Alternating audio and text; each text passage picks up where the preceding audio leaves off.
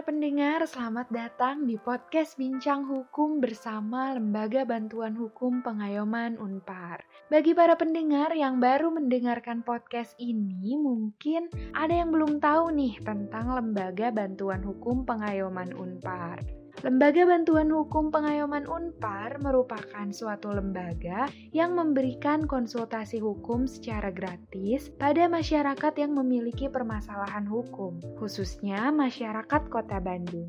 Selain itu, kami juga memiliki beberapa kegiatan rutin yaitu penyuluhan hukum, pelatihan hukum, siaran radio, podcast, konseling hukum, serta rapat kerja tahunan. Bagi para pendengar yang memiliki permasalahan hukum dan hendak melakukan konsultasi, dapat langsung mengunjungi kantor kami di Gedung 2, Ruang 2101 Universitas Katolik Parahyangan. Dengan jam operasional kami, yaitu hari Senin sampai Kamis pada pukul 9 pagi hingga pukul 4 sore dan hari Jumat pada pukul 9 pagi hingga pukul 3 sore. Para pendengar juga dapat berkonsultasi secara daring dengan menghubungi kami melalui email di lbh.pengayoman@unpar.ac.id atau melalui media sosial kami untuk Instagram di @lbhpengayoman, Twitter @lbh_pengayoman, dan Facebook di LBH Pengayoman. Informasi lebih lanjut mengenai LBH Pengayoman Unpar dapat diakses melalui www.lbhpengayoman.unpar.ac.id. Nah, kalau begitu tidak perlu berlama-lama lagi, simak podcast berikut ini.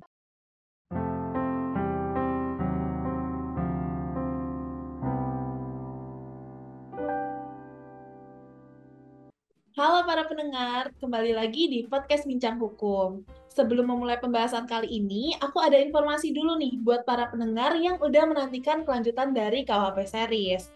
Jadi, di podcast mendatang, LBH Pengayoman Unpar akan melanjutkan pembahasan KUHP series yang belum selesai. Para pendengar tentu penasaran dong ya sama kelanjutannya. Nah, untuk tahu kapan KUHP series selanjutnya tayang, para pendengar bisa follow dulu kali ya media sosial dari LBH Pengayoman Unpar. Karena biasanya sebelum podcast kami tayang, kami bakal informasikan terlebih dahulu di media sosial kami. Nah, sekarang kita balik lagi ya ke topik kita kali ini. Kalau dari kemarin kita udah bahas tentang instruksi 1975 dan putusan MK, sekarang kita bergeser ya ke pembahasan tentang hak kekayaan intelektual. Sebelum kita bahas lebih dalam nih para pendengar, kenalin aku Sisil yang bakal menjadi MC di podcast kali ini. Tapi seperti biasa, kalau yang namanya podcast nggak mungkin sendiri dong. Jadi di podcast kali ini aku juga bakal ditemani sama rekan aku yaitu Priska. Halo Priska. Halo Kak Sisil, gimana nih kabar kakak? Kabar aku baik dong Pris.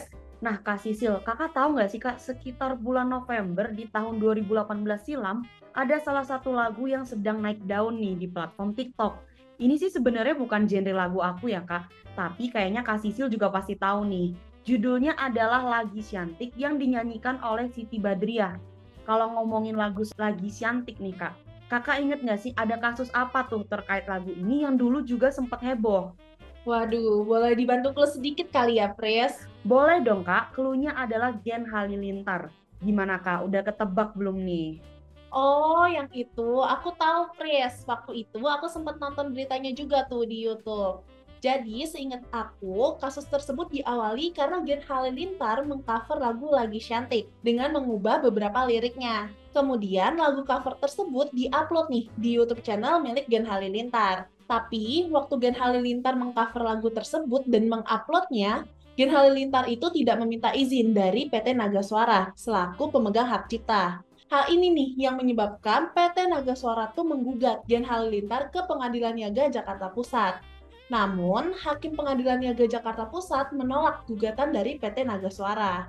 Karena merasa tidak puas nih dengan putusan tersebut, PT Naga Suara pun mengajukan kasasi. Namun, Mahkamah Agung atau yang selanjutnya kita sebut dengan MA ya, justru menguatkan putusan Pengadilan Niaga Jakarta Pusat dan menolak gugatan dari PT Naga Suara. Gitu, Pres. Nah, bener banget tuh Kak Sisil. Kalau tadi Kak Sisil udah bahas sampai upaya hukum biasa berupa kasasi, sekarang aku mau lanjut jelasin nih ke Kak Sisil sekaligus ke para pendengar bahwa dalam kasus ini PT Naga Suara juga melakukan upaya hukum luar biasa atas kekalahan yang dialaminya dengan mengajukan peninjauan kembali atau yang selanjutnya aku singkat PK kepada MA dengan alasan adanya kekeliruan atau kekilafan hakim. Kemudian setelah melalui proses pemeriksaan PK, Hakim MA dalam proses pemeriksaan PK menyatakan bahwa memang terbukti adanya kekeliruan hakim di pengadilan niaga dan Hakim MA saat proses kasasi apabila dihubungkan dengan fakta yang terungkap dalam proses persidangan. Nah, karena itu, putusan MA dalam PK ini memenangkan PT Naga Suara selaku pihak penggugatnya, Kak. Dan berdasarkan putusan hakim, pihak tergugat dihukum untuk membayar ganti rugi sebesar 300 juta rupiah nih. Nah, Kak Sisil, kalau dari pembahasan kita tadi, udah tahu dong ya arah podcast kita bakal ke mana? Kalau dari aku sih mikirnya berkaitan dengan hak cipta ya, Chris. Nah, bener banget tuh Kak Sisil. Kalau misalnya kita ngomongin hak cipta, jujur aku sih nggak terlalu paham ya Kak. Untuk podcast kali ini, makanya nih podcast Bincang Hukum akan mengundang salah satu relawan LBH Pengayoman Unpar, yaitu Febri Patricia, selaku narasumber yang sudah melakukan riset lebih jauh nih terkait dengan hak cipta. Halo Febri, apa kabar nih kamu Feb? Halo Chris, halo Kak Sisil, kabar aku baik dong. Oke Feb, dari tadi kan aku sama Priska udah singgung ya tentang kasus Gen Halilintar. Tapi sebelum nanti kita kaji lebih jauh lagi nih, aku mau nanya dulu ke kamu, sebenarnya apa sih yang menjadi urgensi dari podcast kali ini? Nah, iya nih Kak, di masa perkembangan teknologi, terutama penggunaan internet yang semakin meluas ini, ternyata turut memberikan pengaruh terhadap bidang kekayaan intelektual. Nah, hal ini bisa kita lihat salah satunya dari mudahnya mencari, mengakses, dan mendengarkan lagu melalui jejaring media sosial. Nah Kak, kalau aku sendiri baru-baru ini lagi suka banget nih dengerin lagu-lagu cover dan ternyata kalau aku perhatiin, lagu cover ini emang banyak banget tersebar di media sosial seperti YouTube. Bahkan ya kak, setahu aku banyak lagu cover yang justru lebih viral dibandingkan dengan lagu versi orisinal. Nah sebenarnya kalau ngomongin soal lagu, lagu itu emang dapat kita anggap sebagai cara untuk mengekspresikan diri, menghadirkan kesenangan, dan mempengaruhi tren yang sedang populer di masyarakat.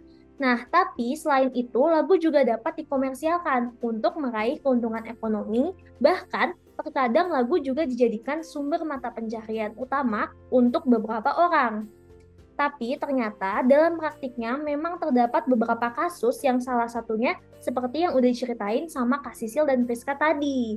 Makanya jadi timbul pertanyaan nih Kak, apakah benar jika kita mengcover lagu sama dengan kita melakukan pelanggaran hak cipta? Nah, oke okay, Feb, setelah aku dengar urgensi dari kamu yang tadi berkaitan dengan pelanggaran hak cipta dalam pembuatan dan pengunggahan lagu cover, aku jadi kepo dan mau tanya langsung nih ke kamu. Kira-kira ya Feb, mengapa sih perlindungan secara hukum terhadap suatu lagu orisinal menjadi hal yang penting dan dinilai perlu nih Feb? Nah, aku merasa pembahasan ini emang menarik sih, Chris. Karena diberikannya perlindungan secara hukum terhadap suatu lagu orisinal itu adalah bentuk penghargaan terhadap pencipta atau pemegang hak cipta yang sudah mencurahkan waktu, biaya, dan tenaganya untuk menghasilkan ciptaannya. Wah, aku setuju tuh, Feb. Karena memang ya kalau buat lagu itu bukan hal yang mudah. Tapi sebelum berlanjut lebih jauh, jujur aku tadi sempat bingung nih dengan kata-kata pencipta atau pemegang hak cipta kalau dari Kak Sisil nih, kakak tahu nggak sih Kak itu maksudnya apa? Kebetulan aku tahu nih Tris, jadi pencipta dan pemegang hak cipta itu dua hal yang berbeda ya. Kalau menurut pasal 1 angka 2 Undang-Undang nomor 28 tahun 2014 tentang hak cipta, atau yang selanjutnya kita sebut dengan UHC ya, dinyatakan bahwa pencipta adalah seseorang atau beberapa orang yang secara sendiri-sendiri atau bersama-sama menghasilkan suatu ciptaan yang bersifat khas dan pribadi. Sementara itu, menurut pasal 1 angka 4 UUHC, pemegang hak cipta itu mencakup pencipta sebagai pemilik hak cipta, pihak yang menerima hak tersebut secara sah dari pencipta, atau pihak lain yang menerima lebih lanjut hak dari pihak yang menerima hak tersebut secara sah. Jadi, pencipta itu bisa juga sekaligus sebagai pemegang hak cipta, Pries. Oh, paham, paham, Kak. Hmm, tapi kalau aku baca jurnal tentang hak cipta, aku juga sering banget nih nemuin istilah pemegang atau pemilik hak terkait. Aku jadi mau gantian deh nanya ke Febri. Kalau istilah pemegang atau pemilik hak terkait itu apa ya, Feb? Nah, bener banget tuh Pris. Kalau kita bicara soal hak cipta, sebenarnya ada lagi nih satu istilah yang mungkin Priska dan Kak Sisil sering dengar, yaitu pemegang atau pemilik hak terkait. Nah, pemegang atau pemilik hak terkait itu kalau menurut UHC dipegang oleh pelaku pertunjukan, produser fonogram, atau lembaga penyiaran gitu, Pris. Oh, oke oke. Setelah mendengar penjelasan Kak Sisil dan Febri, aku jadi paham nih. Mungkin biar mudah dipahami, aku pakai ilustrasi aja ya untuk para pendengar. Jadi misalnya A menciptakan lagu nih, maka A di sini pertama-tama sebagai pencipta. Tetapi kalau kemudian A menjual lagunya kepada B, maka B sebagai pembeli di sini bukan pencipta, melainkan adalah seorang pemegang hak cipta. Dan apabila selanjutnya lagu A yang dibeli oleh B ini dinyanyikan oleh seorang penyanyi, maka penyanyi ini adalah pemegang atau pemilik hak terkait sebagai seorang pelaku pertunjukan. Gimana Feb? Udah bener belum penjelasan aku? Wah, keren banget kamu Pris. Dan penjelasan kamu ini udah bener banget. Semoga para pendengar juga menjadi lebih paham ya. Oh iya, sebelumnya kan kita udah bahas ya secara umum alasan kenapa sih pencipta ini harus memperoleh perlindungan terhadap lagu yang diciptakannya. Nah, hal tersebut itu sebenarnya sejalan dengan teori-teori yang dikemukakan oleh Robert M. Sherwood yang bakalan aku kulik satu persatu nih, khusus untuk para pendengar. Tapi sebelum aku kulik nih teori dari Sherwood, aku mau nanya dulu ke Kak Sisil dan Priska. Dari kalian, ada yang tahu nggak nih teori dari Sherwood itu ada apa aja? Wah, aku pernah baca tuh, Feb, dulu waktu aku belajar tentang hak cipta di mata kuliah hukum kekayaan intelektual. Seingat aku ya, teorinya itu ada lima, yaitu recovery theory, incentive theory, teori kepentingan makro, risk theory, dan economic growth stimulus theory. Tapi untuk penjelasan lebih lanjut, boleh kali ya kalau kamu yang jelasin, Feb? Boleh banget dong Kak. Jadi teori yang pertama adalah recovery theory yang menjelaskan bahwa seharusnya pencipta atau pemegang hak cipta yang sudah mencurahkan waktu, biaya, dan tenaganya untuk menghasilkan ciptaannya memperoleh kembali apa yang telah dikeluarkan tersebut. Nah, teori kedua adalah insentif teori. Dalam teori ini dijelaskan bahwa pemberian royalti itu penting untuk memacu kegiatan di bidang hak cipta yang berguna. Teori ketiga adalah teori kepentingan makro, di mana dengan perlindungan hak cipta yang diberikan oleh negara dapat mendukung pembangunan teknologi dan ekonomi negara. Kenapa? Karena melalui perlindungan hak cipta tersebut, negara itu secara tidak langsung berperan untuk mendorong kreativitas masyarakatnya untuk terus bertumbuh menciptakan kreativitas secara nasional. Selanjutnya, teori keempat adalah risk theory, di mana tidak dapat dipungkiri ya bahwa suatu ciptaan itu mungkin banget ditemukan terlebih dahulu atau diperbaiki oleh orang lain, sehingga perlu nih untuk dilindungi. Nah, teori terakhir adalah Economic Growth Stimulus Theory yang merupakan teori yang menjelaskan bahwa salah satu instrumen pembangunan ekonomi dapat dilakukan melalui perlindungan hak cipta. Jadi, jelas ya, kalau berdasarkan teori-teori tersebut dapat disimpulkan bahwa perlindungan hak cipta menjadi suatu hal yang penting untuk dijaga penerapannya. Oke, Feb. Barusan kan kamu udah bahas nih terkait pentingnya perlindungan hukum terhadap lagu orisinal. Tapi ya Feb, gimana sih cara hukum di Indonesia itu memberikan perlindungan terhadap ciptaan berupa lagu orisinal itu ya Feb? Nah kak, sebelum aku bahas lebih jauh lagi soal perlindungan terhadap ciptaan berupa lagu orisinal, aku mau bahas dulu nih terkait apa sih sebenarnya yang dimaksud dengan ciptaan Nah, kalau kita melihat pasal 1 angka 3 UU HC, di sana disebutkan bahwa ciptaan merupakan setiap hasil karya cipta di bidang ilmu pengetahuan, seni dan sastra yang dihasilkan dari inspirasi, kemampuan, pikiran, imajinasi, kecekatan, keterampilan, atau keahlian yang diekspresikan dalam bentuk nyata. Nah, dari definisi ini kita bisa lihat ya kak, lagu itu adalah salah satu bentuk dari ciptaan di bidang ilmu seni, karena lagu itu dihasilkan dari hasil kreativitas yang diekspresikan dalam bentuk nyata oleh si penciptanya.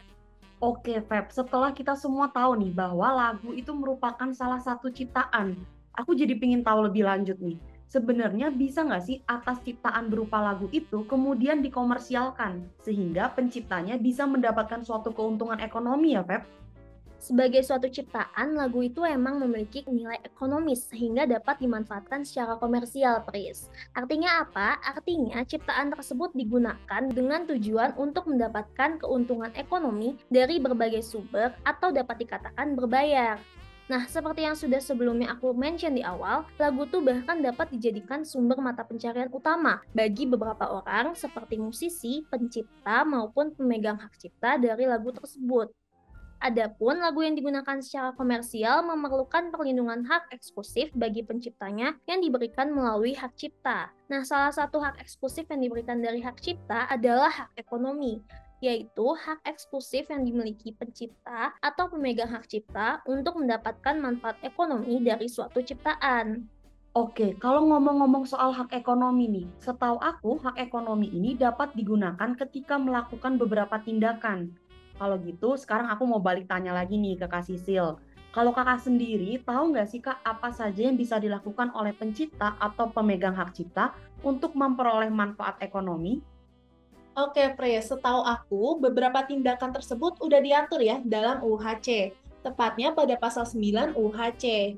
Jadi, menurut pasal 9 UHC terlihat bahwa hak ekonomi yang diberikan kepada pencipta atau pemegang hak cipta ini dapat berupa penerbitan, penggandaan, penerjemahan, pengadaptasian, pengaransemenan, atau pentransformasian ciptaan, pendistribusian ciptaan atau salinannya, pertunjukan, pengumuman, komunikasi, dan penyewaan ciptaan. Nah, Pris, barusan kan aku udah jelasin ya tentang tindakan yang dapat dilakukan oleh pencipta atau pemegang hak cipta berkaitan dengan hak ekonomi. Nah, seingat aku, selain hak ekonomi, dalam hak cipta itu ada satu hak lagi nih, yaitu hak moral. Boleh kali ya kalau sekarang kamu yang jelasin soal hak moral itu? Boleh banget dong, Kak Sisil. Jadi secara umum hak cipta itu dibagi menjadi hak ekonomi yang dari tadi kita udah bahas dan satu hak lainnya lagi yaitu hak moral Kak. Menurut pasal 5 ayat 1 UU HC, hak moral dijelaskan sebagai hak yang melekat secara abadi pada diri pencipta untuk yang pertama, tetap mencantumkan atau tidak mencantumkan namanya pada salinan sehubungan dengan pemakaian ciptaannya untuk umum. Yang kedua, menggunakan nama aliasnya atau nama samarannya yang ketiga, mengubah ciptaannya sesuai dengan kepatutan dalam masyarakat. Yang keempat, mengubah judul dan anak judul ciptaan. Dan yang kelima, mempertahankan haknya dalam hal terjadi distorsi ciptaan, mutilasi ciptaan, modifikasi ciptaan, atau hal yang bersifat merugikan kehormatan diri atau reputasinya. Nah, kalau aku simpulkan, jadi terlihat ya para pendengar, bahwa hak moral dan hak ekonomi adalah hak eksklusif yang ada dalam hak cipta. Nah, Feb, sekarang aku mau tanya lebih lanjut nih ke kamu. Sebenarnya gimana sih, Feb, mekanisme perlindungan hak cipta terhadap suatu lagu orisinal itu? Oke, Pris. Sebetulnya hak cipta tuh udah langsung ada seketika setelah ciptaan atau dalam hal ini lagu sudah diwujudkan dalam bentuk nyata. Artinya, kalau lagu itu udah ada wujudnya, udah bisa kita dengar, atau udah bisa kita nikmati, maka sudah ada hak cipta yang memberikan perlindungan hak eksklusif terhadap ciptaan tersebut. Dengan begitu, kalau selama ini kita sering kali mendengar bahwa untuk memperoleh hak cipta terhadap lagu harus didaftarkan terlebih dahulu, nah itu hal yang kurang tepat ya para pendengar. Tapi istilah yang lebih biasanya digunakan adalah pencatatan, dan hak cipta itu tidak timbul karena dicatatkan, melainkan secara otomatis sudah ada ketika ciptaan tersebut diwujudkan dalam bentuk nyata. Nah, hal ini dikenal sebagai prinsip deklaratif. Oke, oke. Aku bisa nangkep nih. Jadi kalau misalkan A buat lagu yang belum pernah ada sebelumnya nih, dan A itu udah nyanyiin baik ke orang-orang sekitarnya atau bahkan ke masyarakat publik, maka hak cipta itu akan muncul ya secara otomatis terhadap lagu buatan A tersebut. Bener banget tuh, Kak. Nah, mungkin sekarang kita bahas lebih dalam lagi ya. Tadi kan udah dibahas bahwa lagu orisinal itu mendapatkan perlindungan hak cipta. Tapi nih Feb, gimana ya dengan lagu orisinal yang udah di cover dan di aransemen secara berbeda?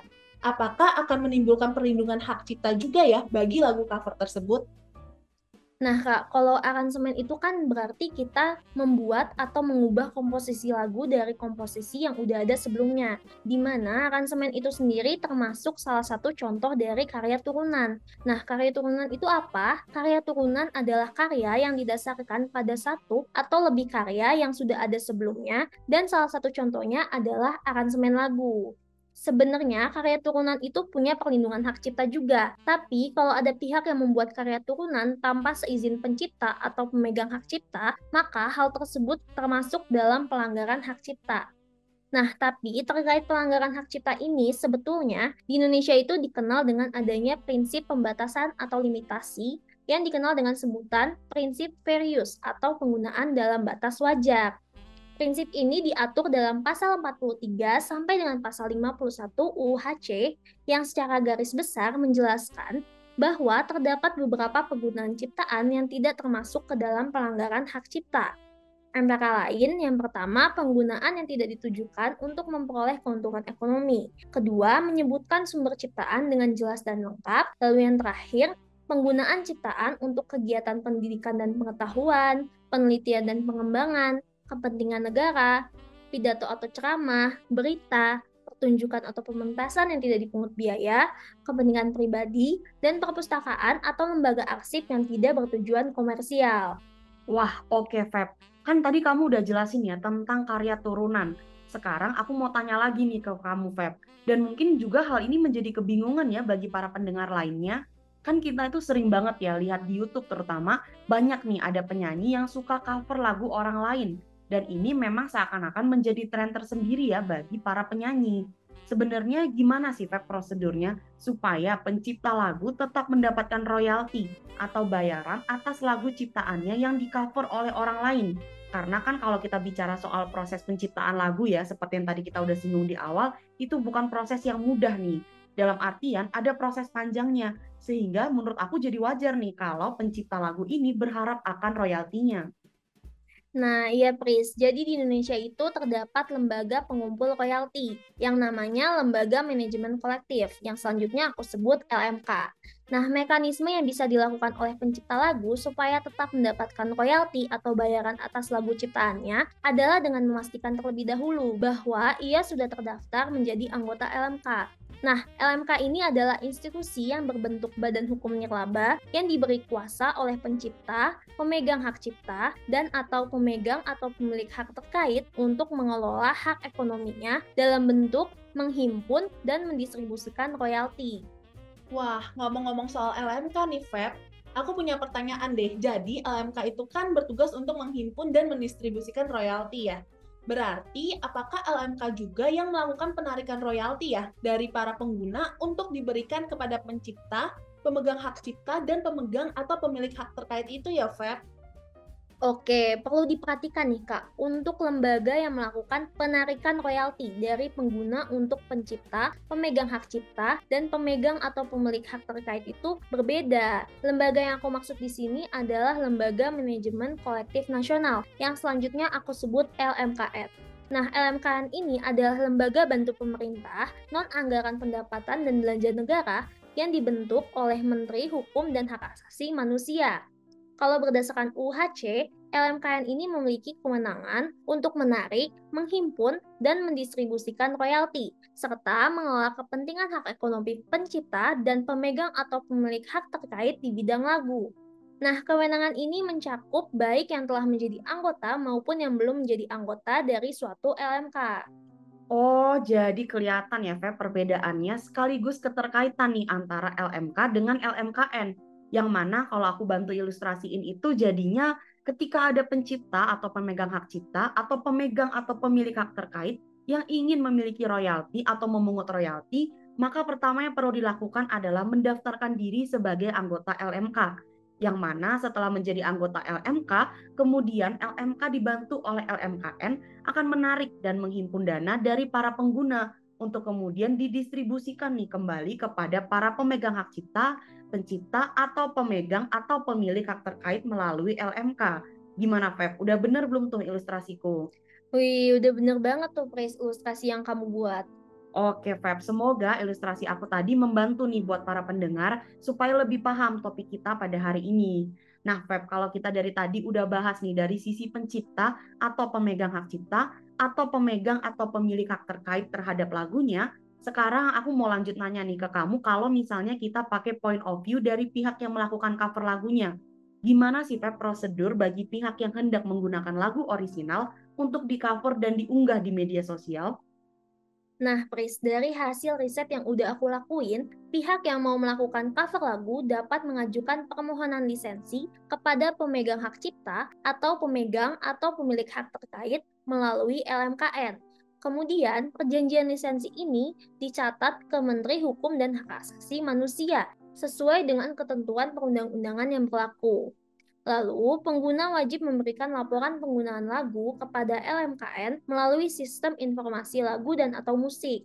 Setelah itu, LMKN akan menghimpun royalti dan menetapkan besaran royalti yang menjadi hak masing-masing LMK sesuai praktik berdasarkan keadilan.